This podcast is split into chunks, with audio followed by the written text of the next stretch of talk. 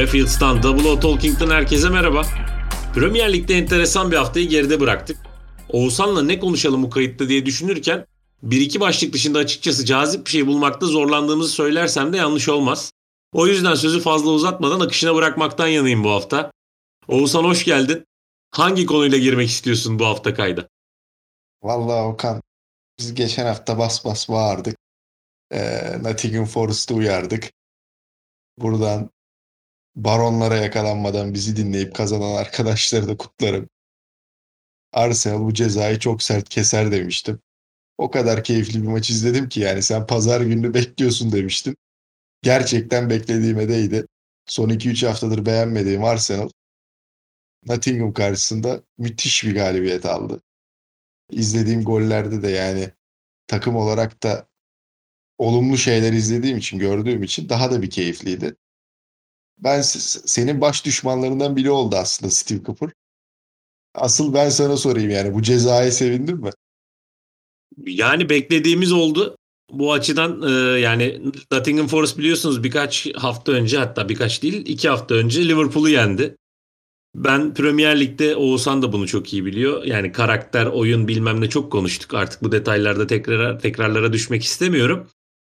En azından bir oyun felsefesi, en azından bir oyun görüşü, en azından bir e, menajerlik yeteneği olan adamlar dışında insanların Premier Lig'de yeri olmadığını düşünüyorum. Steve Cooper'a da baktığımda olsa olsa U19 antrenör olur diyorum. o yüzden yani e, Nottingham Forest'ın sezon başından beri birçok maçını hani canlı da izlemeye çalıştım. Özetlerine de baktım. Bu kadar transfer yapan bir takımı evet karakter oturtmak zordur ama yani bu adam bu, bu adam antrenör falan değil. Biraz keskin bir yorum olabilir. Ama e, artık keskin olmamak mümkün değil. Yani sorarlar insana bunları yaparken düşünecektiniz diye. O yüzden Liverpool e, üstüne onlara bir yara bandı daha olmadığınız için Arsenal e, ekibine Arsenal taraftarlarına, oyuncu kadrosuna teşekkür ediyorum. Bizi de yarı yolda bırakmadılar. Beklediğimiz bir galibiyeti bayağı da bir gol atarak aldılar. Yani e, Nottingham'ın e, kulüp sahibi Yunan bir iş adamıydı. Adamın adını unuttum bak. Konuşuluyordu zaten. Hatta haberlerinde çok girdik.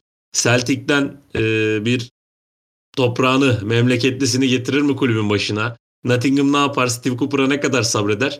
Çok konuşmaya gerek yok. Sadece bu yorumunu merak ediyorum. Bir yorumda şey alacağım senden. Bunu kayıttan önce konuşuyorduk. Aklıma geldi. Mikel Arteta'nın bir açıklaması düşmüş. Ee, Gabriel Jesus'ın son dönemdeki gol orucuyla alakalı. Bu kadar asist yapmaya devam ettiği sürece gol atmamasında bir sorun yok demiş. Oradan da bağla istersen. Ya ben Steve Cooper'ın yerine şu an sana teklif gelse Okan ben derim ki de Okan hadi bakalım çantayı hazırlayalım. Görev seni bekler derim. Desteklerim kim gelirse gelsin. Ee, artık e, Yunan'dır, Türk'tür, Bulgar'dır ona bakmam. Senin hocam, de alırım. E, hocam sözünü kesiyorum ama benim bir önerim var. Madem karakterli oyunumuz yok bir şey oynayacağız. Mustafa Reşit Akçay gelsin doğru düzgün bir kontra atak futbolu izleyelim diyorum. Kes, kesinlikle olabilir. Hatta bunun 10 yıl önceki Başakşehir yani o zamanki adıyla İBB. E, Abdullah Avcı'nın kontrası. Bunlara da sıcak bakıyorum. Her şey olabilir. Gelelim ikinci soruya Okan. Ben buna katılmıyorum abi. Arsenal'ın forveti çok asist yapsın. İşte bunu yapıyorsa gol atmasına da gerek yok. Ben bunlara katılmıyorum. Arteta hocamı da destekliyorum bazı konularda ama bu pek sıcak bakmadığım bir konu. Çünkü biz yıllardır belli başlı hücumda etkili olan kanat oyuncularına bağlı bir takımdık.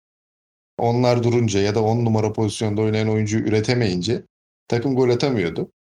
Ben Gabriel Jesus'ın acil gollerine geri dönmesini istiyorum. Çünkü ritmi yakalamışken evet kağıt üstünde istatistik çok iyi. Çok çok başarılı yani.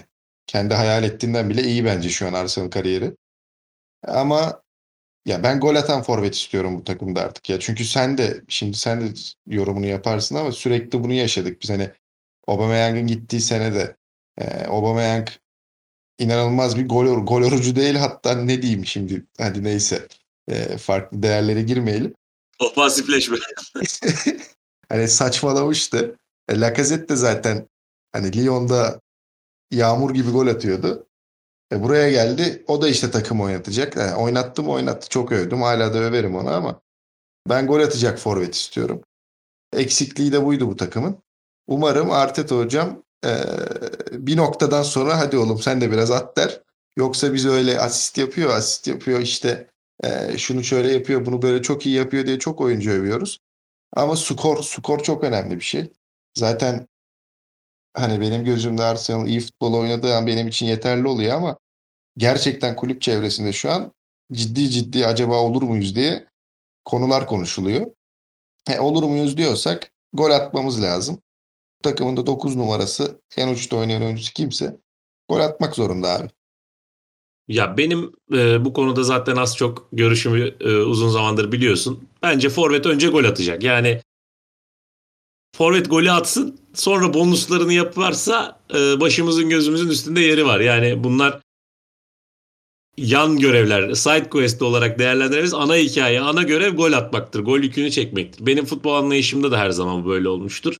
Ee, ben şeyi de düşünüyorum. Yani Arsenal'in e, belki de yıllarca sorun yaşadığı bir şeydi bu. Yani e, Thierry Henry gittikten sonra yani bu takım Marouane Çamaklarla mı oynamadı? Yani Olivier Giroud'un oyunculuğuna asla yani oyun tarzına bir şey söyleyemem ama işte o dediğin noktaya gelirse Olivier Giroud çok yetenekli bir oyuncuydu ama Olivier Giroud'un Arsenal'deki en sükse hareketine Jack Wilshere ile ceza sahasında yaptıkları o muhteşem o Ramsey, Jack Wilshere, Özil Özil'de var mıydı o pozisyon hatırlamıyorum sen daha iyi hatırlayacaksın. Oradaki o müthiş bir e, pas oyunu sonrası gelen o gol. Yani ama Giroud'a baktığında Arsenal'de şunu şu şekilde yaptı bu kadar gol attı diye konuşmadık. İşte Arsenal'in yani gerçekten uzun zaman sonra e, istediğinde ihtiyaç duyduğunda gol atabilecek bir oyuncusu varken hocanın ondan asist yapması yeterli benim için gol atmasa da olur tarzı bir yaklaşımının olmasını ben e, riskli buluyorum. Yani hoca bunu isteyebilir. Bunu problem yani Nottingham Forest'ta 5 gol atmışsın. İşte maçları kazanıyorsun. Sorun yok.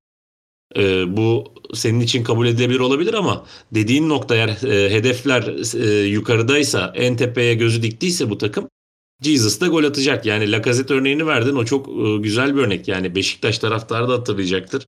E, Lyon'un son yıllarında Alexander Lacazette'in oynadığı oyun çok başka bir oyundu. Gerçek bir striker'dı. Ama Arsenal'e geldikten sonra Lacazette bağlantı oyuncusu oldu. Yani e, kulübün geleneği bozulmuş herhalde Henry'den sonra. Ben onu düşünmeye başladım. Yani işte Ciro, işte e, Lacazette bile ona döndü. E, Aubameyang'a zaten yorum yok. Aubameyang'la ilgili çok güzel açıklamayı yine Arteta yaptı. Yani e, benden gelip bilmem neresine yaptıracağı dövme için izin isteyen adamdan topçu falan olmaz demişti. Bunu da hatırlatabiliriz. yani hocam e, güzel bir anekdot verdi. O yüzden yani dediğim gibi Arsenal'in e, Jesus'tan beklediği ilk şey gol atması olmalı diye düşünüyorum. Bence Jesus'ın da kariyerinden beklediği şey açısından e, öncelikli olarak artık gol atmak ve gol üzerine bir e, kariyer devamı kurması daha sağlıklı olur diye düşünüyorum. Başka bir konuya geçeceğiz. O da e, senin Arsenal sempatinin dışında benim de Eddie Howe sempatim malumu dinleyicilerin hatırlayacaklar olacaktır. Eddie Howe'ın Newcastle'ı yenilmemeye yemin etmiş durumda inanılmaz bir seri. Yani e, neredeyse 10 hafta civarı bir önce e, mağlubiyet var. E, çok doğru, düzgün oynayan, derli toplu oynayan, ne yaptığını bilen, ne yapması gerektiğini bilen bir takım. Eddie Howe'la alakalı eleştirileri de e, bence Eddie Howe çok güzel tarihe gömüyor. Yani Bournemouth'la küme düşmüş olması vesaire onlar hep bir eleştiriydi ama biraz da işin e, saha içindeki yetenek skalasıyla alakalı olduğunu kanıtlar e, düzeyde bir oyun oynatıyor takımına. Newcastle'ı nasıl yorumlarsın? E, bir de şeyi vereyim mi? E, yoksa sen mi örneği onu söylersin? E, ESPN bugün bir post paylaştı. E, Newcastle savunmasının toplam maliyetini e, gösterdi. 65 milyon pound gibi bir total var ve ki, burada da yani en yüksek kalem Sven Botman o da 33 milyon pound ki %50'sinden fazlası bir oyuncu. Buradan topu sana vereyim. Sen neler söyleyeceksin Newcastle'la Eddie Howe'la alakalı? Öncelikle ben seni tebrik ediyorum Okan. Bundan yaklaşık 5 yıl önce Eddie Howe konusunda bizi aydınlatmıştın. Eddie Howe gerçekten dediğin gibi yani eleştirileri de çok güzel susturdu. Kendi beklentisini kariyerinde çok güzel yönetiyor şu an. Ee, benim burada Eddie Howe konusunda özelinde şöyle bir düşüncem var. Biliyorsun hoca çok küçümsendi. Hani böyle bir yatırım, böyle bir para, böyle hedefler var. Eddie Howe doğru isim mi dendi. E, Newcastle cephesi de sürekli Hani ligi tanıyor, genç hedefleri var, uzun vadede planları var diye baktı olaya ve doğru baktı. Hani bunu hiç görmemişizdir belki. Bu kadar parası olup bu kadar doğru düşünen bir kulüp ben hatırlamıyorum yani. Hep yanlış hamleler gelirdi. Hep hızlı yükseliş planları yapılırdı. Newcastle'ın ayakları yere basıyor. Bu çok güzel. Ee, oynadığı futbolda da yani pozisyon buluyorlar. Oynamak istiyorlar. E, rakipleri çok iyi bir kere. Edeha basın toplantılarını yani ben e, içerikleri hazırlarken ya da sen girdiğin zaman görüyorum. İnanılmaz bir analiz var. Rakip hakkında konuşmaları bile çok farklı. Hatta yine bir geriye dönüp şey yapayım. Steve Cooper'ın açıklarında bunun tam tersini görüyoruz genelde. Edeha bundan dolayı yakaladığı ivmeyi sürekli Dünya Kupası'ndan önce hani çıkabildiğimiz top seviyeye çıkalım. Sonrasında da bu krediyi de kullanarak daha iyi bir noktaya gidelim diyor ki Callum Wilson'ın da hani birazdan da değiniriz zaten. Ee, işte Callum Wilson gibi ya da Almiron gibi oyuncuların belki beklentilerin üstüne çıkarak geri dönüşü, bola dönüşü diyeyim. E, inanılmaz bir etki yarattı. Doğru noktada doğru transferlerle takım çok farklı bir seviyeye geldi. He, bu uzun süreli olur mu olmaz mı bunu ileride göreceğiz ama şu an için Newcastle kulüp sahipleri de memnundur. Taraftarlar da memnundur. Eddie Howe da rahattır. Ee, en azından puan tablosuna girdiklerinde takımlarını gördükleri yer onları bir rahatlatıyordur. Yani özlenilen Newcastle, hedefleri olan Newcastle'ı görmek onları sevindiriyordur. Gelelim bu e, şeye e, maç kaybetmemeye. Yani burada dikkat çekici bir nokta var. Tottenham deplasmanından galip çıkıyorsun. United deplasmanından beraber ayrılıyorsun. E, City'ye kaybetmiyorsun. Tek mağlubiyetin böyle top yani Big Six dediğimiz yerden Liverpool'a karşı. Ki o da 2-1'lik skor Anfield'da. Yani bu özellikle benim gözümde Eddie Howe ve oyuncuların kendilerini görmek istedikleri pozisyona yani ligin belki 1, 2, 3 yıl içinde olacağı belli olmaz ama e, Newcastle'ın hedefi zaten biz Big Six takım olmak istiyoruz. Yani adı Big Six olmaz onlar girdikten sonra da yani bu gidişle belki bazı takımlar iner onu da e, yorum yapamam. Olabilir. O neden olmasın. Bu noktada böyle takımlara karşı gösterdikleri performans özellikle City maçında da yani e, o maçın berabere bitmesi de zaten Guardiola'yı derin bir nefes aldırmıştır ligin başlarında. E, tüm bunlara baktığım zaman Newcastle'ın dediğin gibi yani savunma hattında harcanan para ve biliyorsun yani Sven Botman'ı ne kadar istediler. Ne kadar uğraştılar ve demek ki doğruymuş yani. Doğru analiz yapılmış, doğru isim bulunmuş. Trippier'in zaten biliyorsun kaptanlığın oyun içindeki etkisini.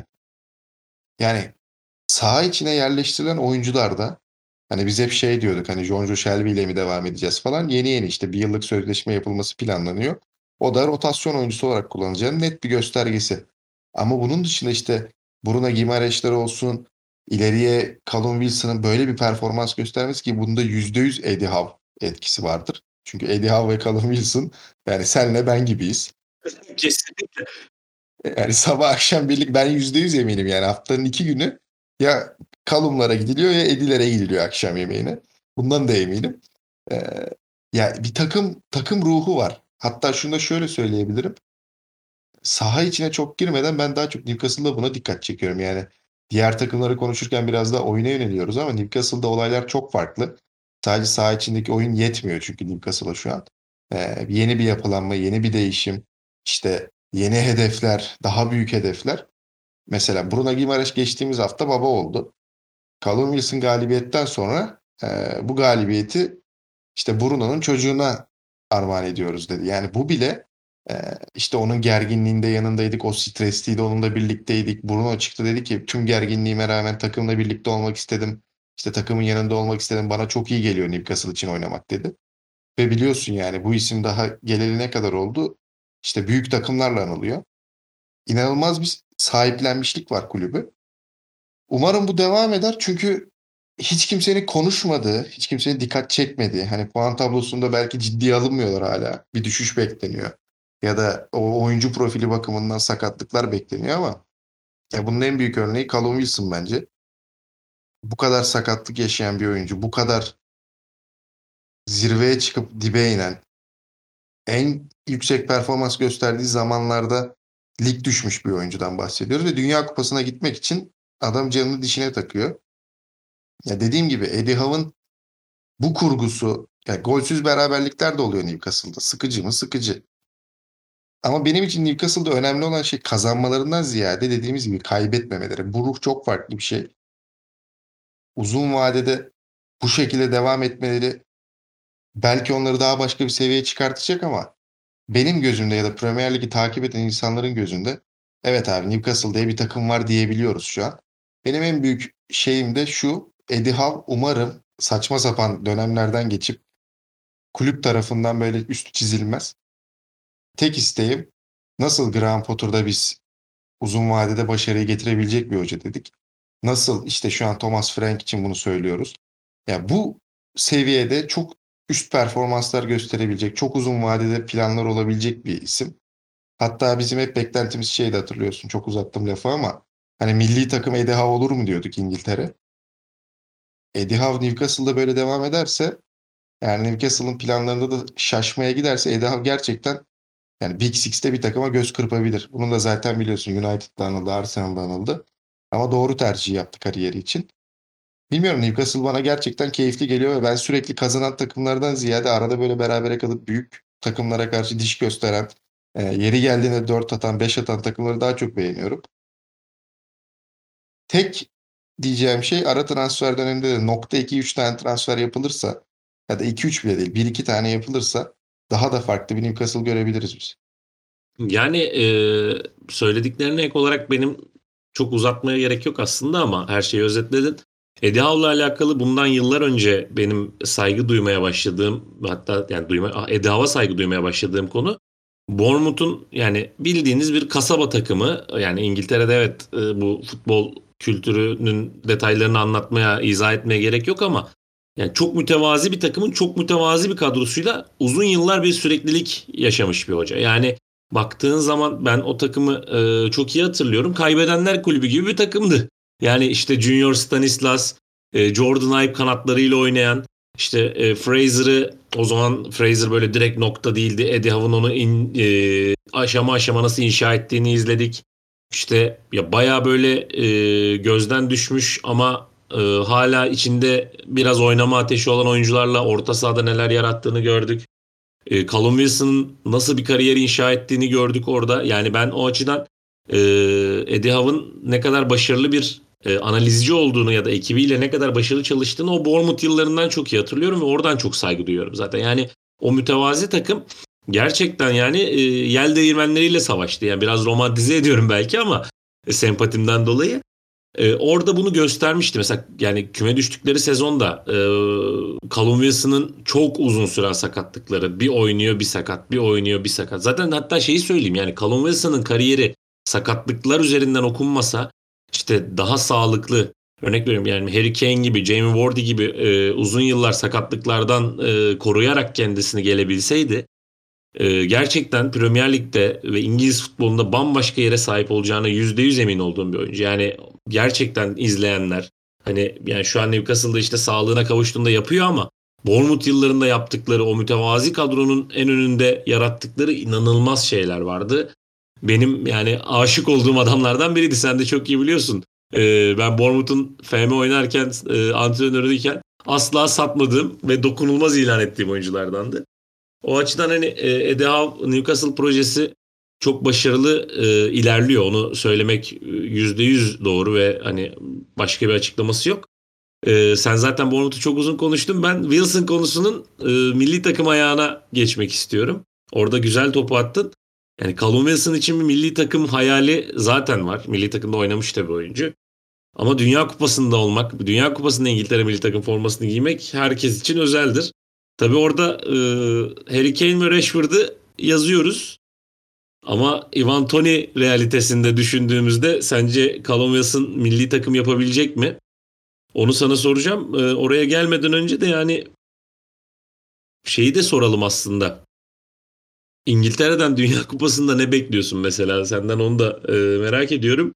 Bir de böyle isimler üzerinden bir Rashford, Rashford'un da e, kilometre taşını geride bıraktığında düşünürsek. Rashford eleştirisi de gelir mi? Ya tek tek cevaplayıp güzel, çok güzel bağladın hepsini. Aslında hepsi birbiriyle bağlantılı. Ee, İngiltere'den başlayayım ben. Sonra iki oyuncunun da İngiltere için bir seçenek olup olmadıklarını konuşalım. Ee, İngiltere'ye geldiğimizde abi İngiltere'nin biliyorsun son hani bu 5-6 yıldır işte Eurolar, işte Saka'nın penaltı olayları, e, toplumun kırılması, ırkçılığın öne çıkması, milli takımdaki oyuncuların daha da seslerini çıkartarak konuşması ki geçtiğimiz günlerde Henderson da Dünya Kupası'ndan beklentilerinin büyük olduğunu söyledi. İngiltere'den beklenti çok büyük. Hani yılların bir birikmişliği var. Benim burada tek söyleyebileceğim şey bu oyuncu seçimlerinde ada basında biliyorsun böyle kuyu kazmayı çok sever. Ee, yakaladığı noktaya çok abanır.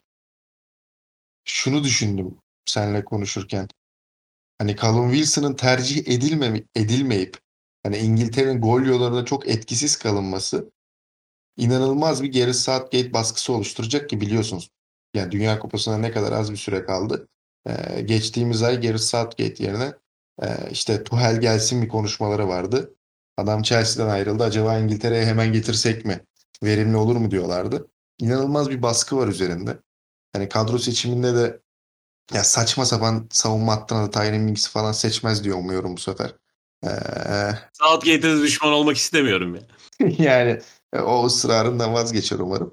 Ee, tabii ortada işte bu şu an işte Saka'nın yaşadıkları işte bazı oyuncuların bu yoğun fikstürden etkilenmesi gibi çok dert var. Ya bir kere savunma hattı dedik işte Harry Maguire mı olacak? Tyrim ya bu isimleri geçsin artık. Doğru nokta isimleri tercih ederek yoluna baksın. Hücum hattında da dediğin çok doğru yani. Kemik isimler çok değerli. İlk baş Rashford'dan başlayayım. Hani ben açık ve net söyleyeyim. Rashford 100. golüne abi çok daha önceden ulaşmalıydı. Ee, benim en nefret ettiğim oyuncu tipi budur. Yani kırılgan, çabuk etkilenen, sosyal hayatla işte saha içindeki oyununu bir türlü raya oturtamayan, sürekli gündeme farklı konularla gelen ve ben çok böyle melek gibi gözüken futbolcuları da çok sevmem. Sen futbolcusun abi. Ee, çok böyle şunu yaptık, bunu yaptık, şöyle oldu, böyle oldu. He, tamam. Hani bir iyilik yapılıyor ortada. Bunu biz de destekliyoruz. Her futbolcunun böyle olmasını istiyoruz ama Rashford futbolculuktan ziyade e, sosyal güvenlik kurumunda e, çalışıyormuş kafasına girdi. Bunun dışında hani sağ dışındaki olaylarla hareketli gündemle iyice mahvoldu. E şimdi Erik'ten hak gelecek. Rashford'ı kazanacak. Geçtiğimiz yaz yok Arsenal'a gider mi? Yok buraya gider mi? Yok şu ister mi diye konuşuyorduk. İşte Paris istiyor diyorduk. Abi bu Rashford yani evet çok önemli bir başarı. Yani United formasıyla 100 gole ulaşması da çok önemli bir başarı ama e, ben çıktığım maç sayısının dışında Rashford'dan beklentilere dikkat çekiyorum burada. Çünkü yıllardır bir beklenti var. Yıllardır bir şey yapacak. Yani bir çıkıp iki gol atıyor. İşte bir Big, Big Six takımına karşı bir performans gösteriyor. Sonra Rashford kayıp. Ki ben bunu başından beri söylüyorum abi. Benim için o hücum hattında yıllardır değeri gösterilmeyen adam sürekli Anthony Martial'di. Ee, o adama o kadar çok yüklenirken Rashford hep el üstünde tutuldu. Ya United kalitesinde midir? Evet çok belki yetenekli futbolcu. Ama son yıllarda girdiği tripler, afralar. Tam, abi sen ilk baş 100-150 gol at. Önce sen bir cidden listelerde tepeye çık. Takımını sırtla. Ondan sonra bu triplere gir saha içinde. Ee, ben bunlara çok dikkat ederim Okan yani. Sen sen Rashford yorumunu yap. Sonra ben Callum Wilson Dünya Kupası'na geçerim. Yok çok kısa e, hani sözünü kestim yine ama ya ben şunu çok net söyleyeyim. Anthony Martial'e e, Rashford'a verilen şans verilseydi çok daha farklı bir şey izlerdik. Ona %100 eminim. Yani %100 eminim öyle söyleyeyim sana. Orada da klasik e, pasaport konuştu herhalde. Yani Martial'in Manchester'a gelişi, Manchester'da oynadığı bir ilk iki sezonu falan düşündüğüm zaman ben ya oradaki e, Manchester krizi Martial'i vurdu. Üstüne pasaporttan e, bir darbe yedi diye düşünüyorum. Yoksa yani Rashford'un yeteneği zaten tartışılmaz. Postürü, oyun tarzı, kuvvetli patlayıcılığı falan ama e, kafada, e, zihinde bir sıkıntı var. Yani saha onun için önemli bir e, nokta değilmiş gibi.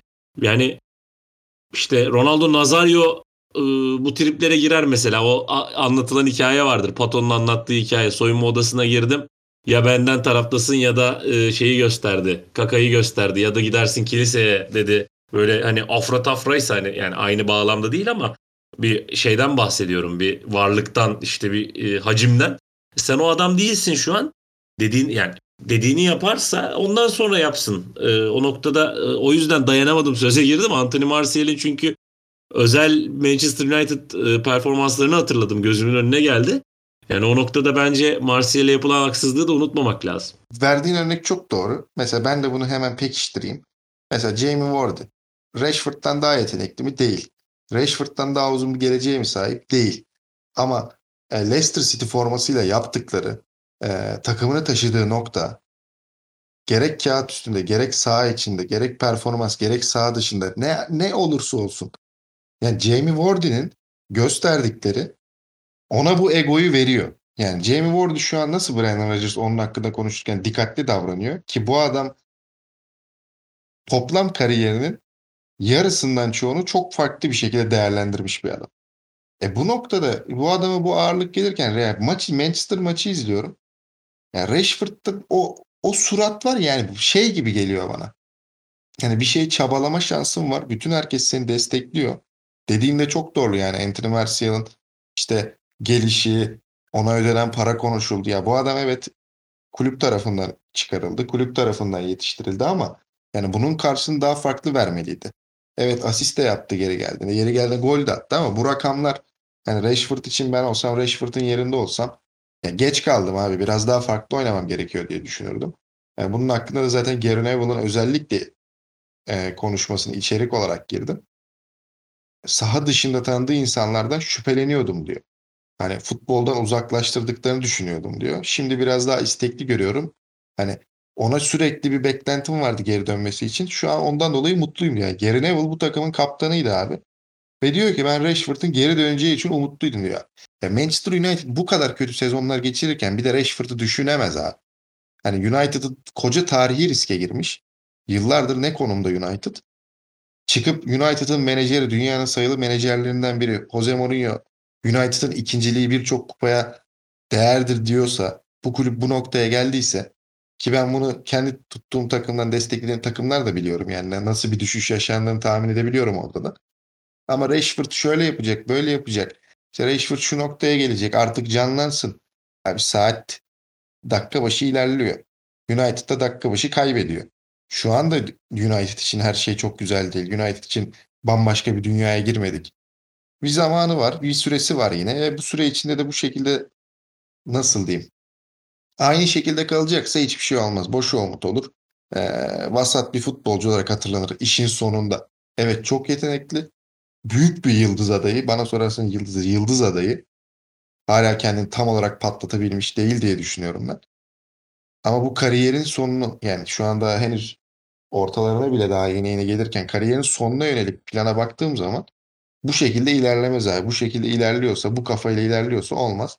Umarım bu 100. golle birlikte kendine gelir. Buradan da Callum Wilson'a geçeyim. Abi adam her hafta şunu söylüyor Okan ya.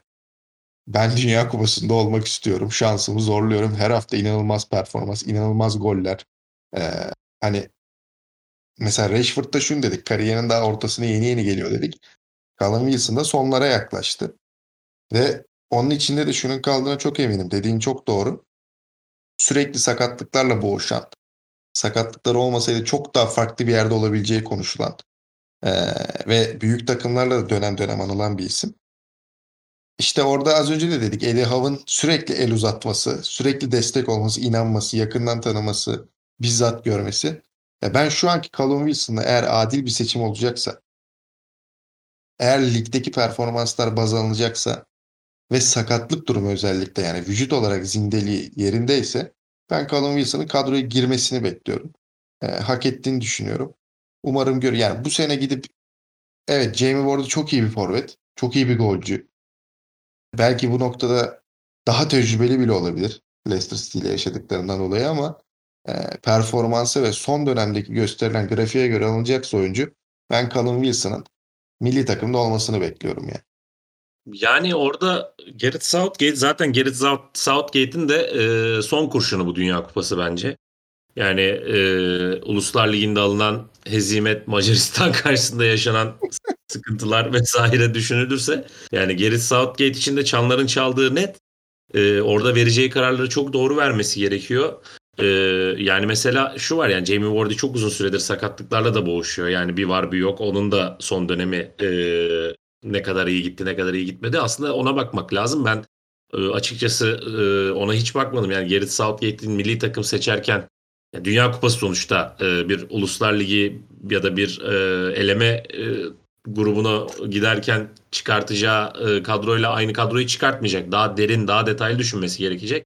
Kaç santrafor tercih edecek takıma listeye yazarken o çok önemli ve belirleyici olacak. Yani Gerrit Southgate'in orada vereceği kararlar çok önemli. Yani tabii Mesela Ivan Toney... Okan sözünü kestim. Çok güzel bir şey söyledin. Kadroya kaç forvet yazacağını. E bana sorarsan gidip Jadon Sancho'yu kanat olarak yazacağına bir tane daha fazla forvet al derim. Hocam Şenol Güneş de yeni geldi. Ona selam çekeyim. Jadon Sancho'yu oynatacağına Callum Wilson'ı sol içte oynat hocam. yani e, tabii çok farklı parametreler dönüyor. Yani ada basınından sen güzel e, bahsettin. Ada basını gerçekten tehlikeli bir yapıdır. Yani adamı gerçekten ince ince işler ve yer. Bir anda kıymaya çevirirler. Yani Jadon Sancho'yu almamak da bir sıkıntı. Orada çok bürokratik, çok diplomatik de düşünmek lazım. Yani Gareth Southgate'in e, esas sınavı herhalde kadro e, mühendisliğinde olacak Dünya Kupası öncesi. Ben onu düşünüyorum. Yani işte Rashford'ı, e, Sancho'yu almamak, yani Manchester United düşüş e, son yılları, son 10 yılın hikayesi belki ama Manchester United'ın lobisi, ağırlığı gerçekten enteresan olacak. En merak ettiğim milli takım tercihi açıkçası İngiliz milli takımı olacak. Yani nasıl bir e, şey yapacaklar ama yani yine konudan uzaklaşmadan e, Callum Wilson hakkında e, son sözlerimi söyleyeyim. Ivan Tony'ye de bir pe, e, per, e, ufak bir pencere açayım. Yani o bence hani Kane'den sonra Rashford'u değil ben Tony'yi yazarım bu performansla. %100 hak ediyor. Ee, onun üstüne geçersek de yani Callum Wilson e, bu e, şarkıyı hak ediyor. Bu şarkıyı bu şarkının bir parçası olmayı hak ediyor. Bir solisti olur mu bilmiyorum ama e, back vokalde yer alır bence. Yani karakteriyle, bütünleştiriciliğiyle ki e, Newcastle'daki abiliği, Newcastle'daki liderliğini de sen çok güzel örnek verdin. Yani o e, kadroya bence sahaya girer oynar oynamazdan çok e, yol gösterici olarak büyük katkı sağlayacağına inanıyorum. Bayağı uzun konuştuk tabii Newcastle'ı. Farklı farklı yerlere Rashford'a da gittik oraya buraya e, döndük. Bir başka konuya geçelim istiyorum. Brighton. E, Brighton hafta sonu Chelsea'yi darmadağın etti ama esas hikaye darmadağın e, olan takımlar değil darmadağın olan hoca ve darmadağın eden hoca üzerinden e, okunacak. Brighton taraftarı ben açık söyleyeyim ayıp ettiğini düşünüyorum. E, Graham Potter'a çok ciddi protestolar, yuhalamalar oldu e, maçta. E, yeni hoca da sükseli bir galibiyet aldı. Sen o maç ve Graham Potter'a yapılan özellikle protestoları nasıl değerlendiriyorsun? Bayağı da uzun olmuştur kayıt diye düşünüyorum. Bu konuyla da kapatalım istersen. Olur gayet iyi olur. Okan ee, gerçekten güzel bir galibiyet. Özellikle ben bu sezonun başında Trossard'a özellikle bir parantez açmıştım. Gerçek inanılmaz bir seviyede oynuyor. Brighton'da yeni hocayla aynı şekilde oyunu dikte eden, topu rakip sahada tutmak isteyen, e, hücum opsiyonlarını zenginleştirmek isteyen bir takım olarak yola devam ediyor. Bu galibiyeti de çok ihtiyacı vardı. Gerek hoca değişikliği, gerek işte takımın uzun vadeli planları sorgulanırken çok iyi bir galibiyet oldu. Ama dediğin çok doğru. Yani ben bu maçı yani Brighton'ın galibiyeti, Brighton oyunu ya yani Brighton'ı özellikle izliyorum. Özellikle menajer değişikliğinden dolayı nasıl bir yol çizecekler. Gerçekten hani yeni menajerle aynı şekilde devam edebileceklerini çok merak ediyorum ve bunun dışında Brighton'da merak ettiğim diğer konu takıma kazandırılan isimler biliyorsun Graham Potter zamanında çok değerli isimleri çok ucuza kazandırıp e, yüksek meblağlarla Premier Lig'de paylaşılıyordu. Şimdi bu noktada ben taraftarlara gelirsem aynı şekilde bu sezonun başında böyle bir detay açtığımız gibi geçen sene de biz bu podcast işine girmeden önce konuşuyorduk ve bir anda gündeme hatırlıyorsun. Graham Potter'ın şu sözleri gelmişti. Hani kulüp tarihini açın bakın. Biz neredeydik? Nereye geldik? Böyle 3-4 bekliyordum ben de. 3-4 mağlubiyet aldık. Ee, bizi yuhalayamazsınız. Açın bir tarihinize bakın diyordu. Tarih gerçekten çok önemli. Buradan da bizi dinleyenlere, e, topluma, herkese bunu söyleyebilirim. Şu anda biz tarihimizi unutarak yaşıyoruz. Aynı şekilde Brighton taraftarları da kırmızı çizgilerde gezdi.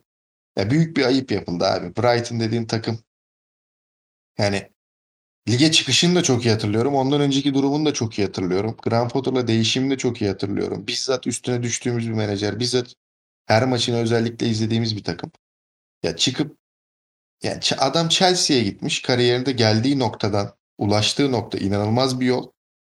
Yani ben bunu geçen hafta da söyledim. Herhangi bir FM oyuncusu evinde bilgisayar başında bu oyunu oynarken e, nasıl hayallere dalıyor ve bu adamlar nasıl dalmasın ve Chelsea'nin de bir yeni yapılanma süreci olacak. Yeni bir değişime gidiyor. Yeni bir özgürlük alanı veriliyor. Hani evet riskli mi? Riskli. Daha güvenilir bir yerdeydi. İşte sözü geçiyordu. Ve benim beklediğimden daha hızlı bir patlama yaptı Graham Potter. E, hak etti mi hak etti. Kendisi de şunu söylüyor. Yani ben oradan ayrılırken Brighton'da konuştuğum insanlardan sürekli olumlu mesajlar aldım. Çok büyük destek gördüm. Ve bundan dolayı bana karşı böyle davranmalarını beklemiyorum dedi maçtan önce. Ama Brighton taraftarı bilmiyorum ya kaşınıyor bence. Tarihin çok çabuk unutan bir taraftar. Hiç de burada samimi olamayacağım. Ben böyle şeyleri sevmem. Adam gelmiş. Adam sonuç ya şunu diyebilirsin abi. Nasıl takımda ayrılan oyunculara çıkıp forumlara girdiğinde Ben White'ın Brighton'ı öven Brighton taraftarları varsa nasıl işte bir suma gittiğinde işte biz çıkarttık diyebiliyorsan, nasıl Chelsea oyuncu gönderdiğinde işte biz keşfettik diyebiliyorsan bunların hepsini bu adam sayesinde yaptınız. Yani sadece ona indirmeyeyim olayı ama çok büyük bir etkisi var. Yani çünkü dipten gelen bir adam Graham Potter. Brighton'da dipte olan bir takım.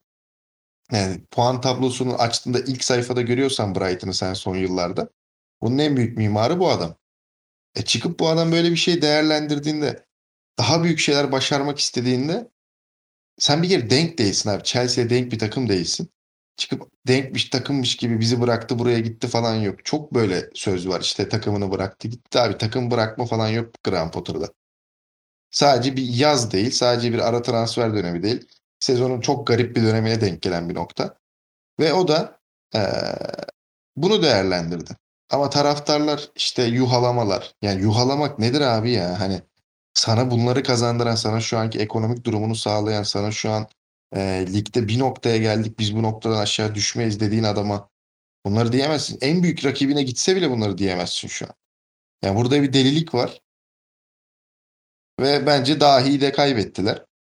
Yani sen de yorumunu yap ama ben gerçekten çıl ya. Benim Graham Potter senden sen nasıl Eddie Howe'u çok seviyorsan ben Graham Potter'ı çok seviyorum. Ve üzülüyorum yani. O da bazen böyle deli deli şeyler Şenol Güneş var ya açıklamalar yapıyor. Ama ben içinde bir duygusallık olduğunu, e, oraya dönerken de her ne kadar Brighton'a gitmemiz işte Brighton'a karşı oynamamız çok farklı bir şey olmayacak demesine rağmen yılların geçti. Bir şey ürettin, bir şey büyüttün. Bir çocuk gibi aldı Brighton'ı nereye getirdi? E, çok büyük bir terbiyesizlik olarak yorumluyorum ben. Ya benim aklıma direkt ne geldi biliyor musun? Ee, Sir Alex Ferguson'la alakalı meme olan son yıllarda hatta son dönemde video var. Herkes hatırlayacak. İşte Old Trafford'da e, Fergie'nin başarılarının sıralandığı, e, onun da ağzında sakızıyla taraftarlara el salladığı bir video var. Ben açık söyleyeyim e, Brighton taraftarından böyle bir şey bekliyordum. %100 yani bu e, hiç tereddütsüz ya bir kırgınlık, bir üzgünlük, bir e, hatır e, kırılması yaşayabilirsin. Bu çok normal çünkü gerçekten çok özel ve duygusal bir yapı inşa ettiler. Yani ya bunu söylemekte beis olmayacağını düşünüyorum. Graham Potter olmasaydı Brighton çoktan küme düşmüş olurdu diye düşünüyorum ben. Ya bu e, hani hariçten gazel okumak gibi gelebilir insanlar hani geçmiş gitmiş bir hikaye ama Brighton'ın şu anki kadro yapısı üzerinden bakmayalım e, Brighton'ın inşa ettiği kadro üzerinden, Brighton'ın geçmişi üzerinden baktığın zaman yani e, ben Neil Mepey'i Neil Mepey'den forvet yarattı adam. Daha net söyleyeyim ben size yani. Hani e, bu hikayede böyle olmaması gerektiğine inanıyorum. Tabii ki e, yani gitme zamanlaması çok en, dediğin gibi çok enteresan oldu ama yani bu tarz fırsatlar da öyle bir anda e, altın tepside sezon sonunda karşına ya hadi Brighton'la bir yollarını ayır da bize gel hocam diye açılmıyor. Böyle olmuyor yani bu futbolun gerçeği. Onu kabul etmek lazım. Yani Decerbi mi Dezerbi mi onu hala tereddüt ediyorum adamın adını söylemekte. Yani yerine gelen adam da sana bir şey vaat ediyor. Herkes onu övüyor. Oyun e, yani gelir gelmez %100 bir karşılık vermiş durumda olmasa da sahadaki oyun seni e, senin için umut vaat edici bir taraftar olarak söylüyorum bunu.